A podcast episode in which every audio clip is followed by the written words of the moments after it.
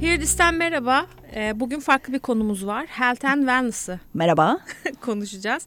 Ee, ikinci merhaba diyen partnerim Elif Önal'da.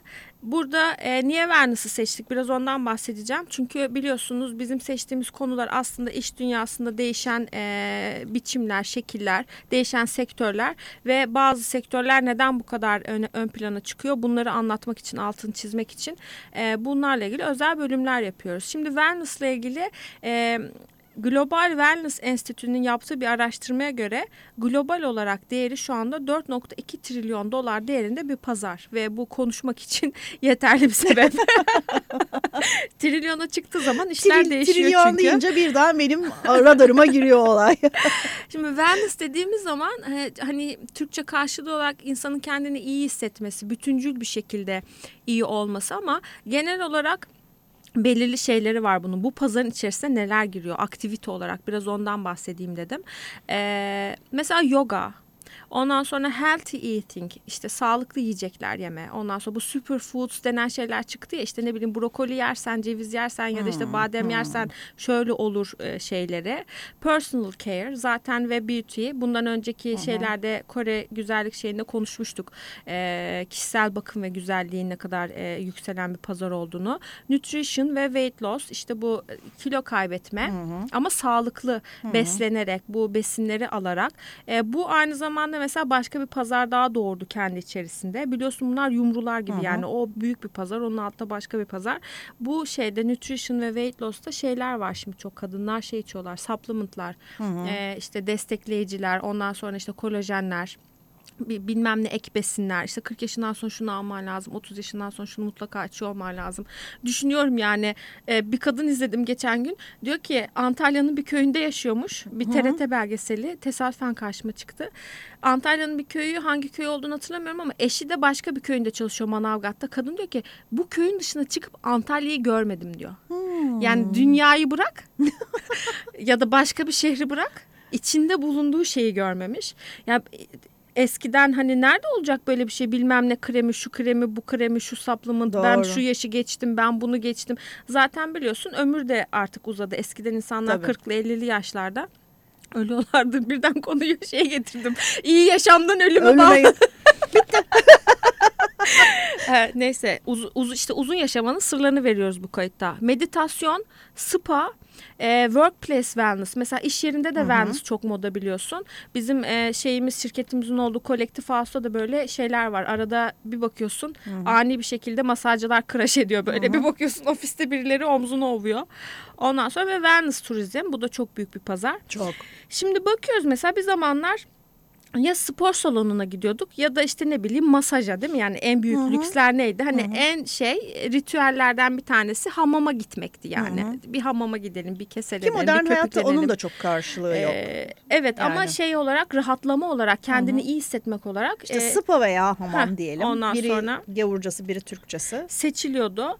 Şimdi bunu mesela niye böyle oldu? Bu pazar niye bu kadar büyüdü? Niye az önce saydığım bütün kategoriler insanların hemen hemen her insanın hayatında artık bu statüsü ya da şeyi ne olursa olsun bu saydığım şeyler var. Meditasyon herkes yapabilir. Yani illa bu arada şey de söyleyelim. Meditasyon için bir yoga matın ya da çok sessiz bir yerde olmana gerek de yok. Yani bulunduğun her yerde bunu yapabilirsin.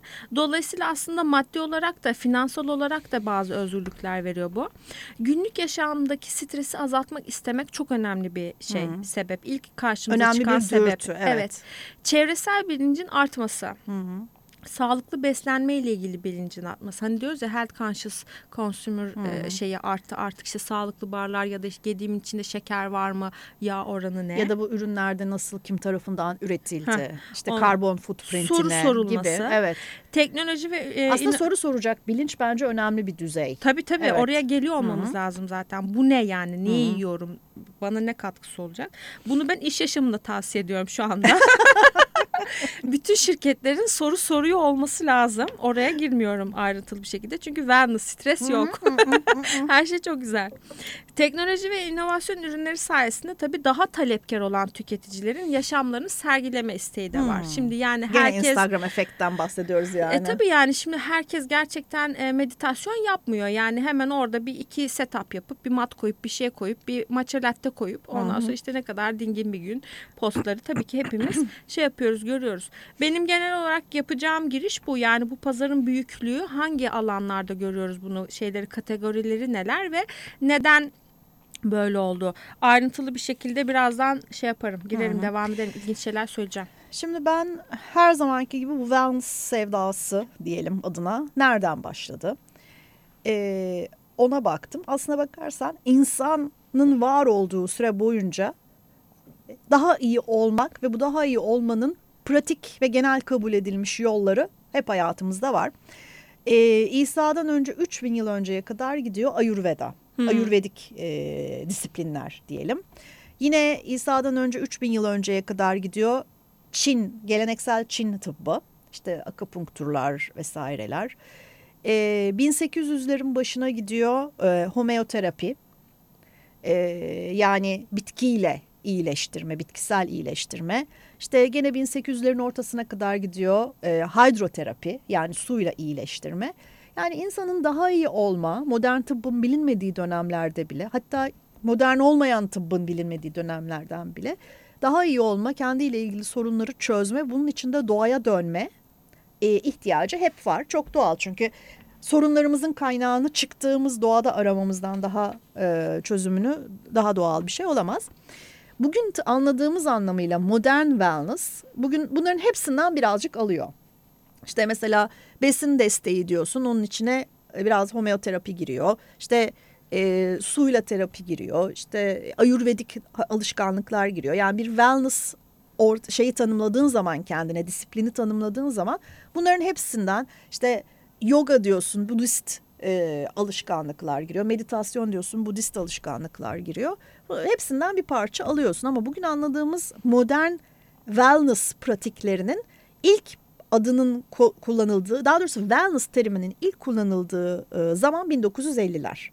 1950'lerde Halbert Dunn diye bir e, küçük bir çevrede çok iyi bilinen, çok da, e, şey yapılan bir e, doktor e, bu terimi ilk kez kullanıyor. Ve High Level of Wellness diye bir kitap yazıyor. İlk kez bu kitabın adında geçiyor bu şey.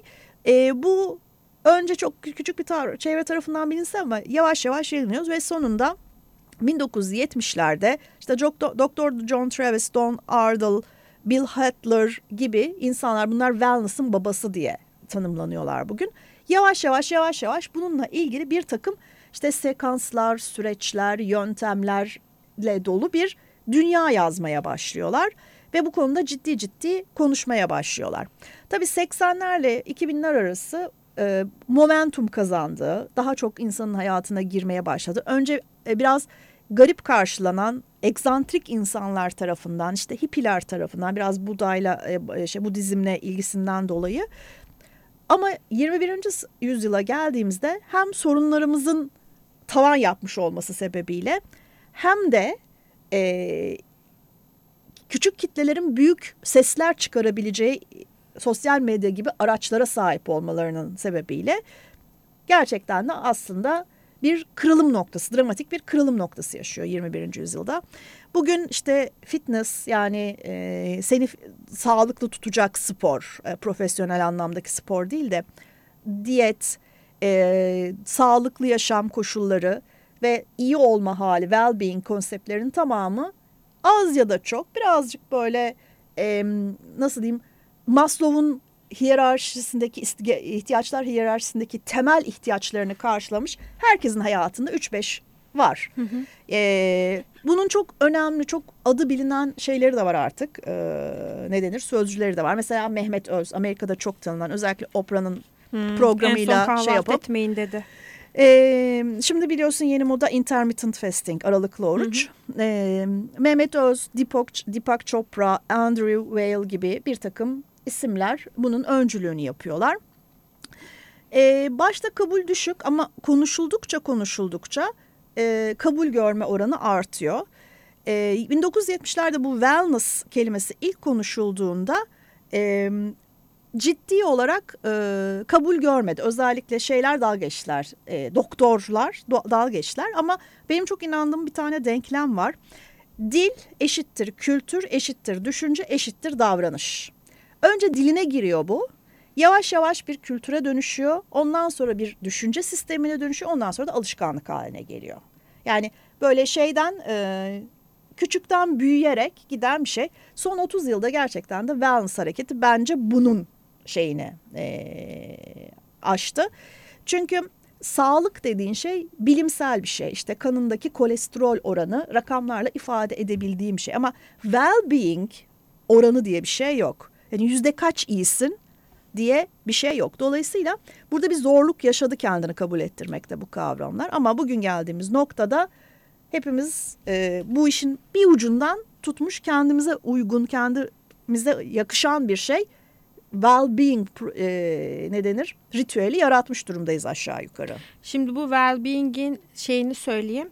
E, Eight Dimensions of Wellness diye geçiyor hmm. bu. Wellness'ın sekiz tane şeyi alanı.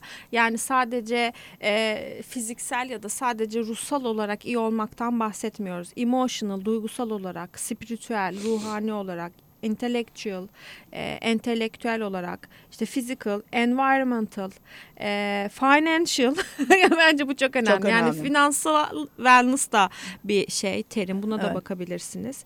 E, occupational yani mesleki alandaki e, profesyonel hayat ve social. Bütün aslında şeyi bir insanın yaşam döngüsü içerisindeki tüm evler hani astrolojide evler var ya Hı -hı. o evi şu evi Hı bu evi diye bu da aslında böyle bir bütün. Şimdi şeyi e, aslında şunu çok iyi biliyoruz ki yani bir yerden çekersin bir yerden uzar. Hayat böyle bir şeydir. Yani bu dimensionların hiçbirinin aynı anda iyi olması gibi bir şey söz değil. konusu değil. değil. Ama tabii ki bunların içerisinde mesela atıyorum finansalı dengelersin. Ondan sonra işte sağlığın, fiziksel sağlığın iyi olur. Biraz da psikolojin iyi olur. Onu götürürsün estek köstek. Ama buradaki amaç benim anladığım kadarıyla bir kişinin ulaşabileceği en iyi haline Kendi ulaşma. Hali. E, best şey evet, yourself. Zaten bu işte wellness ya da well-being özellikle wellness'tan well-being'e giden daha holistik, daha kapsayıcı olan holistik dünyaya. diyorlar zaten evet, onlar. giden noktada en önemli şey e, mükemmelliyet aramayacağız. Hiçbir konuda mükemmel olmaya çalışmayacağız. Ama düzenli olarak aşama kaydetmek, düzenli olarak daha iyiye gitmek amacımız olacak. Her gün kendi gerçeğimizden birazcık daha iyiye doğru gideceğiz. Mükemmele ulaşmaya çalışmayacağız. Ve mesela e, bir hoca ya da bir YouTube videosu eşliğinde yoga yapan varsa mutlaka biliyordur. Mükemmeli yok o hareketin. Hı hı. Senin yapabileceğinin en iyisi Tabii. var. Sadece kendini aşmaya çalışıyorsun. Yanındaki arkadaşın kadar yere yapışmaya çalışmıyorsun asla. Her gün kendi olduğundan bir adım daha olaya gitme, ileri gitmeye başlıyorsun. O yüzden ilerleme bütün bu well-being hareketinin aslında temel amacı. Şimdi bir de e, şöyle yapalım dedik. E, hani wellness'ı konuştuk ve girişi yaptık. Bir de bu konu içerisinde mesela böyle başlıklar hmm. var. Mental health mesela hmm. bu başlıklardan bir tanesi. E, yani akıl sağlığı deyince biraz böyle şey gibi oluyor hmm. hani Türkçe'ye çevirince ama bence bu dünyada da çok fazla hmm. konuşulan ve ön plana çıkan bir konu. E, ciddi de bir şey var. E, nasıl söylenir e, oranı var. Gerçekten evet. işte beş kişiden biri mutlaka bunu yaşıyor ve bu burnout'a, tükenmeye, depresyona, intihara ya da işte ne bileyim daha kötü şeylere kadar gidiyor. Burada benim ilgimi çeken şey olmuştu. Bu e, Sussex dükü prens. Hala öyle mi? Hala öyle değil istifa ama istifa etmeden önce e, ama bu Sussex Sussex dükü bak şimdi söyleyemedim. Sussex dükü demek e, çok Prens hoşuma Harry gidiyor. Ondan sonra Prens Harry bu konuyla çok ilgileniyordu ve Oprah'la birlikte Apple'da yayınlanacak bir şeyleri var çekilen. Hmm. Dokümanteri daha yayınlanmadı. Ondan sonra Mental Health belgeseli. Burada da zaten Harry'nin bu alanda yaptığı çalışmaların sekansları işte şunu yaptım bunu yaptım gibi bu şey yapıyor görülüyor. Bir de Ed Sheeran diye bir tane İngiliz şarkıcı var biliyor musun? Böyle kısa boylu ve şey evet, biraz evet, tatlı evet. böyle sevimli karikatürist evet, karikatür bir tipi var. Çok da para kazanıyor bu arada yani en çok kazananlar Hı -hı. arasında. Ee, onunla beraber e, Mental Health Day diye dünyada böyle bir şey var bunun bir günü var. O günde şey yaptılar bir e, şey e, video yayınladılar. Hı -hı. Mental Health'ın içerisinde anxiety var, Hı -hı. anksiyete. Hı -hı. Ondan sonra ve stres. Hı hı. Şimdi mesela benim en çok konuşmak istediğim şey aslında stres. Çünkü stres de bizim kulak erozyonu yaşadığımız evet, kelimelerden biri. Evet. Çok stresliyim. Tamam. Evet. Yani işte stresi doğru tanımlayamıyoruz artık biz. O kadar çok e, kendini kasıyorsun, ediyorsun, sıkıyorsun, şey yapıyorsun ama onlar hep arka planda gerçekleşiyor. Çünkü önünde yazman gereken bir rapor var, katılman gereken bir toplantı var.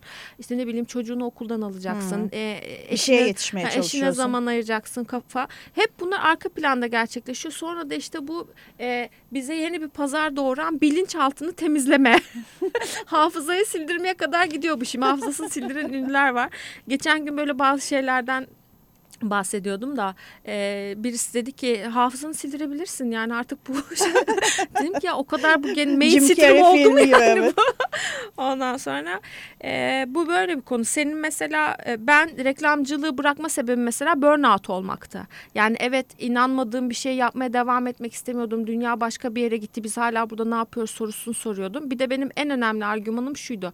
Sürekli şikayet ediyoruz çok çalışmaktan. Hani Hı hı. çok çalışmaktan dediğim e, insani olmayan şartlar dışında konkur var. Üç gün sabahlayalım. İşte ne bileyim oradan şuraya gideceğiz sunum yapılacak. İşte bugün kimse eve gitmesin yemeğe çıkmasın. Şunu Evet yapmasın, yani böyle bir hak bulabiliyorduk kendimizde değil mi? Çalıştığımız küçük ekibi toplayıp bu hafta sonu bütün planlarınızı iptal edin. Ne münasebet ya. Tabii yani gece o ben mesela gece e, sabaha karşı dörtte gelen maile cevap yazmadığım için bir toplantıda neden bu maili cevapsız bıraktın sorusuyla karşılaştığımı hatırlıyorum ve bu tarz sorular birike birike ya da işte ne bileyim bu e, tarz şeyler müşteri kaprisleri diyeyim ben ona. Çünkü Sadece işte, müşteri değil yönetici e, kaprisleri. yönetici kaprisleri. Sonuçta seni san- sanatından soğuttu yani. Soğuttu çünkü günün sonunda bakıyorsun Elif ortada hiçbir şey yok. Evet. Evet. Gündeli hesap döner paşa döner diye kampanyalarla karşılaşıyoruz şimdi. Neyse oralara girmeyeceğim. Gerçekten ben burnout oldum ama yani düşünemez oldum. Hmm. Yaşayamaz oldum. Çal- yani çalışmayı bırak nefes alamaz oldum. Yani anlatabiliyor muyum ne demek istedim? Gitmiyor yani hayatında hiçbir şey gitmiyor. Gerçekten seni tüketiyor. Çünkü onun şirketi batacakmış sen düşünüyorsun. O müşteriyi alamamışsın sen düşünüyorsun. Bir şekilde her şey senin üstüne yüklenmiş ve tamamen kaput oluyorsun yani. Şeyin sözü Türkçe'de güzel bence burnout'a kaput diyebiliriz. kaput oluyorsun yani. Ne oldu sonra?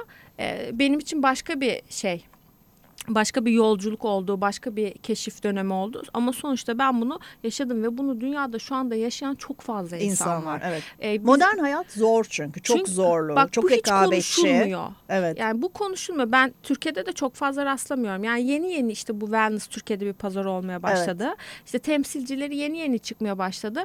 Ee, işte sıfırdan bununla evrilen insanlar olmadığı için ünlüden, selebritiden wellness uzmanına evrilenleri görüyoruz. Orada ben şöyle bir e, şey görüyorum, risk görüyorum. E, wellness ya da well-being aslında çok önemli bir konu.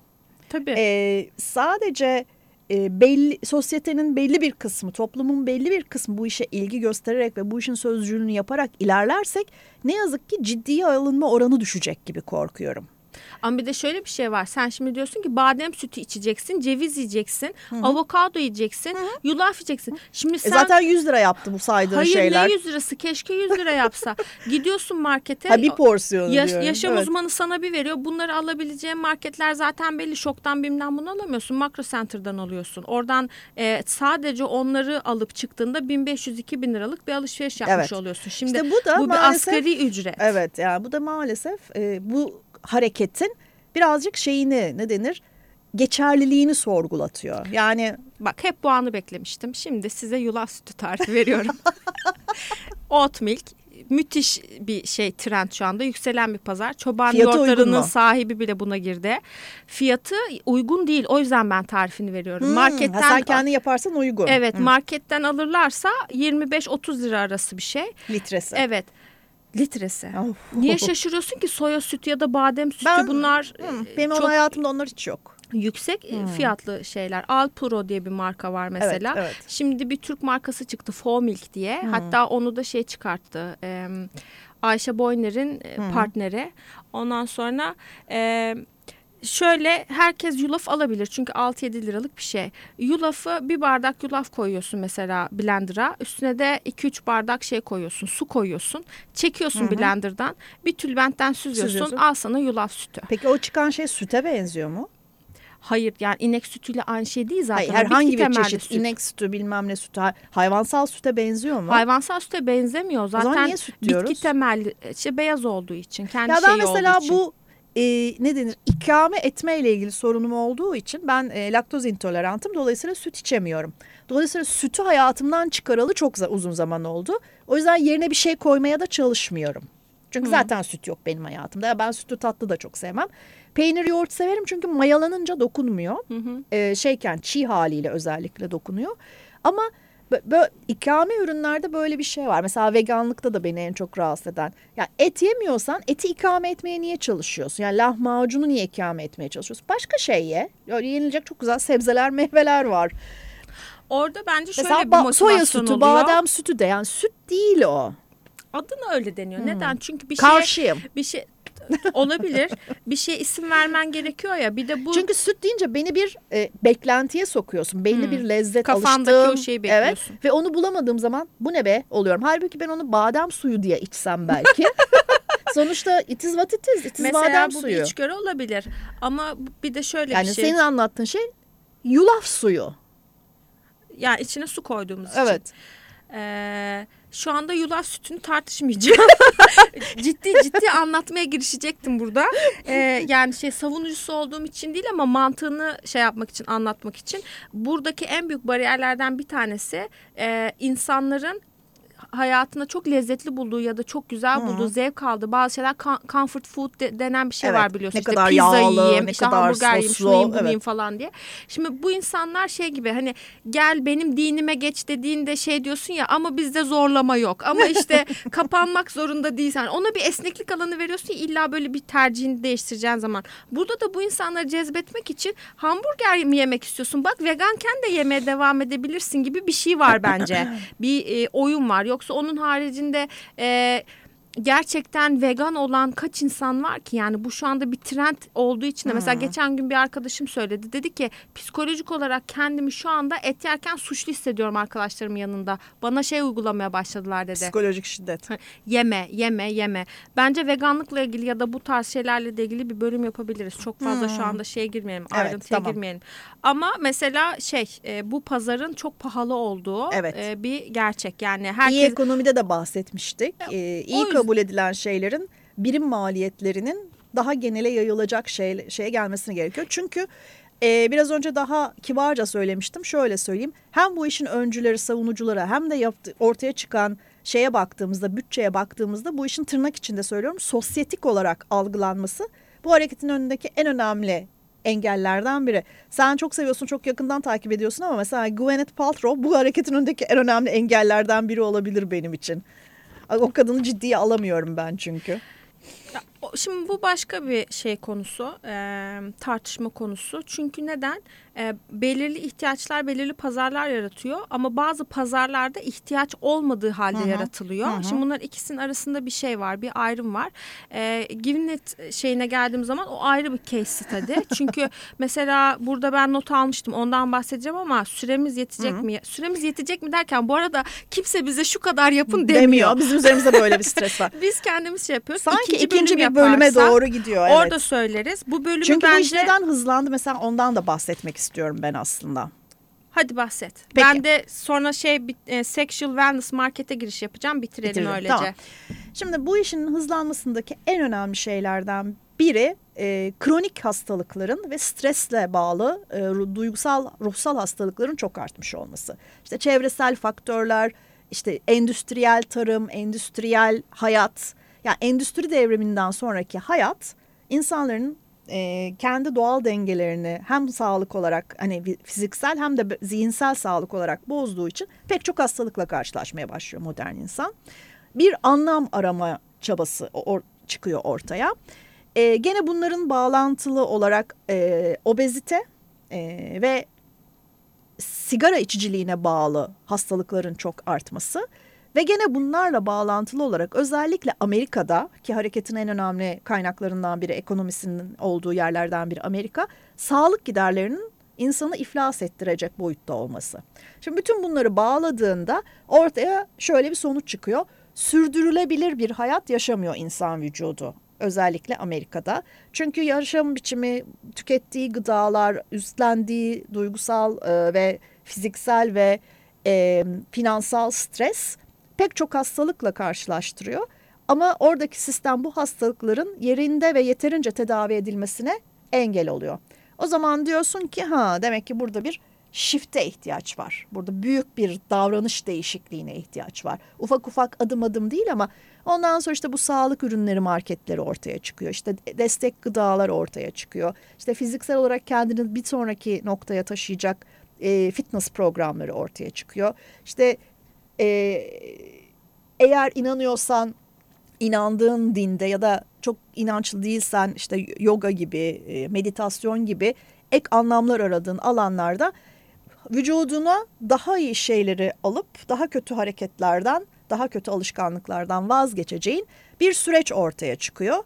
Ve bu özellikle millennial'larda yani şu anda 30 küsür yaşında olan insanlar, 30'larında olan insanlardan bahsediyorum, tavan yapıyor. Hı. Ve millennial'ların e, hem sosyal hayatta hem politik hayatta hem ekonomik hayatta baskın kuşak olmasıyla beraber de artık hepimizin leksikonuna giren, hepimizin hayatına giren bir ucundan da ben yararlanayım bu iyi bir akım galiba demeye başladığımız bir noktaya geliyoruz. Şimdi Sexual Wellness Market'ten bahsedeceğim çünkü bu bence ilgi çekici bir konu. Şöyle bir şeyle karşılaştım. Pleasure Gap diye bir kavramla karşılaştım. Allah Allah hmm. dedim neymiş bu Pleasure Gap? Çünkü biz hep bu gender gap falan onları konuşuyoruz ya gaplerde, ayrımcılıklarda, aradaki uçurumlarda. Ee, kadınların yüzde otuz dokuzu genellikle orgazm olduğunu e, beyan ederken seks Hı, sırasında. Genellikle. genellikle e, usually Hı. ondan sonra Erkeklerin yüzde 91'i araştırma? Amerika'da Amerika. tabii ki doğal olarak. E, e, erkeklerin yüzde 91'i evet. orgazm olduğunu söylemiş. Bu farklılık işte aradaki 39 ile 91 arasındaki farklılığa da pleasure gap deniyor. Yüzde 50 fark var. 50 puan fark var arada yani. Evet. Evet. Yani yarı yarıya iki şeyden katından fazla, fazla iki katından fazla şey var fark var. Ee, ve sonra da bunu trying to close it denir. Yani bunu kapatmak için, bu gap'i kapatmak için markalar çıkmış. Mesela Dem Products diye bir şey var ve sex toy e, company'ler diye Hı-hı. bir şey var. E, ve genelde bunları da kadınlar şey yapıyor, kuruyor. E, kadınları uyarıcı, işte daha fazla zevk almalarını sağlayacak ya da işte ne bileyim Goop'un bir bölümünde de var. Hı hı çoğu kadın kendi vücudunu tanımadığını söylüyor. Hmm. Ya da kendi ihtiyaçlarının farkında olmadığını söylüyor. Bu da bizi yine e, bir önceki bölümde konuştuğumuz aslında o ayrımcılıklar ve tabular konusuna götürüyor. İşte bir kadının kendinin farkında olması ve ihtiyaçlarını sesli dile getirmesi onun başka şekilde sınıflandırılmasına sebep oldu ya yıllarca. Hı. Amerika dediğimiz ülke birçok marketi yaratan bir ülke ama bakma Amerika çok gerici de bir ülke, çok tutucu da çok, bir ülke. Çok. E, bununla ilgili filmler de vardı. Hatta Kadın, Bible Belt diye bir bölüm tabii, var Orta Amerika'da. Yani yani e, bizim e, İç Anadolu'yu aratır. Kadının hani orada da çok rahat olduğu, kadın dünyanın her yerinde aynı şeyler var. Öyle, evet, öyle değişik söyleyelim. düzeylerde benzer Şimdi, baskılara maruz kalıyor. Kalıyoruz. Bu e, pazar 37.19 milyar dolarlık bir pazar 2022'ye kadar e, büyümesi bekleniyor. Ve burada da şey deniyor sex no longer the taboo artık bir şey değil. Değil doğru tabu değil. doğru. Bunun için de e, aslında işte bu da seksin artık bir tapu olmaması da tapu değil tabii ki. Sen benim tapuma sahip olamazsın. benim bedenim benim vücudum. benim kararım. Ha, tamam benim kararım. Ben onları bile söyleyemiyorum biliyor musun? Bak ikinci bölüme çalış da gel. tabu olmaması da tabii retail için bir fırsat demek. Tabii. Orada bir fırsat, büyük bir fırsat var. Ben şimdi merak ettim dedim ki acaba dedim ne oldu da böyle oldu? İşte sen diyorsun yani görmek alışmaktır ya da işte ne bileyim bir şey e, az önce saydığım bir denklem saydın işte önce duymak sonra işte bunu bir kültüre dönmesi sonra bir alışkanlığa dönene Hı -hı. kadar bir journey bir var ya izliyor, bir evet. hazırlık. E, burada mesela Me Too hareketi ve işte kadın hakları ile ilgili şey yapan sesleyen seslerin yükselmesi sonra self care'ın yani kişisel bakımın kişisel self love biliyorsun şey oldu yükseldi bir trend olarak yükselmesi ve Netflix'in normalleştirmesi Sex Education diye bir dizi var e, Big Mouth diye bir dizi var. Sex Explained diye bir dizi var. Hatta Christian Amanpour'u biliyorsun. Hı hı. Sex, Love Around the World diye bir belgesel yaptı. Birkaç bölümlük Netflix'te. Dünyanın çeşitli ülkelerinde kültürler ve çiftler arasında e, şey e, ilişki nasıl oluyor? Bunu anlatan bir şey. E, belgesel serisi. Bütün bunları daha fazla görüyor olmak, işte ne bileyim Instagram'da baktığında e, bu oyuncaklarla karşılaşıyor olmak, kadınların bunu kullanmaktan çekinmiyor olması ya da işte ne bileyim artık her bedenin kendini ifade edebiliyor olması, iç çamaşırı markaları kurulması. Mesela e, Things diye bir marka var. Ondan sonra Neat diye bir e, marka var. Bütün bunlar hep kadınların kendini daha iyi hissetmesi. Evet. Hayattan, Kadına yönelik. Ha, kadına yönelik şey. E, yarattığı marketlerden bir tanesi de bu. Şimdi ben e, böyle e, daha spesifik konularla ilgili bazı şeyler hazırlamıştım. Senin de notların var. Aynen. Onları ikinci bölüme İkinci bölüm bırakacağız. Goop'tan bahsedeceğiz. Hollywood selebritilerinin Venus'u nasıl ele aldığından bahsedeceğiz. E, bazı kült isimler var. Bunu Hmm. sahiplenen Evet. ve bunun çalışmalarını Onunla yapan anılan. ve bundan çok büyük paralar kazanan, Kazanan. insanlar var. Biraz onlardan örnek vereceğiz. Ve işte Biraz şeyden mindfulness'tan bahsedeceğiz. Bir E, sonraki aşama. Bak şey söyleyeyim mi? Şimdi gördüm çok affedersiniz ama hani az önce dedim ya e, anksiyete, anksiyete 5 kişiden biri diye. Dünya Ekonomik Forumu'na göre 275 milyon insan bütün dünyada anksiyeteden şikayetçi.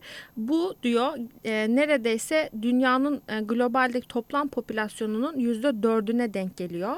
Daha çarpıcı olan şey ise 170 milyon kadın yani %62'si kadın 105 milyon erkek daha çok kadınlar Hmm. e, bundan şikayetçi. Hmm. Bu da bence işte daha fazla rolün üstüne yükleniyor olmasıyla ilgili evet. bir Ve şey. daha çok baskı alanına sahip kadınlar. Evet. Yani toplumsal olarak baskılanıyorlar, cinsel olarak baskılanıyorlar, finansal olarak baskılanıyorlar. o saydığımız dimensionlarda aynen. şey yapıyorlar. App'ler çıkardım. Ondan sonra hangi şeyleri, uygulamaları kullanabiliriz? Biliyorsun her şeyle ilgili bir uygulama var. Uygulamamız var. Neyse Ondan ki. sonra ve e, şeyden bahsedeceğim biraz. Kanabisten. Aa, sürpriz çok olsun. ilginç. Hadi bakalım. Hadi sana kanabisli çikolata getirdim yiyelim. ah polis. o zaman e, bir şey söyleyeceğim. Bizim her bölümümüz böyle bir komedi programıymış Dönüşü, gibi bitmeye evet, başladı. maalesef. Niye böyle oldu? ciddiyetimizi takınalım bir dahaki bölüme. evet, seks gap'ler kapansın. Tamam. Hoşçakalın. Hoşça kalın.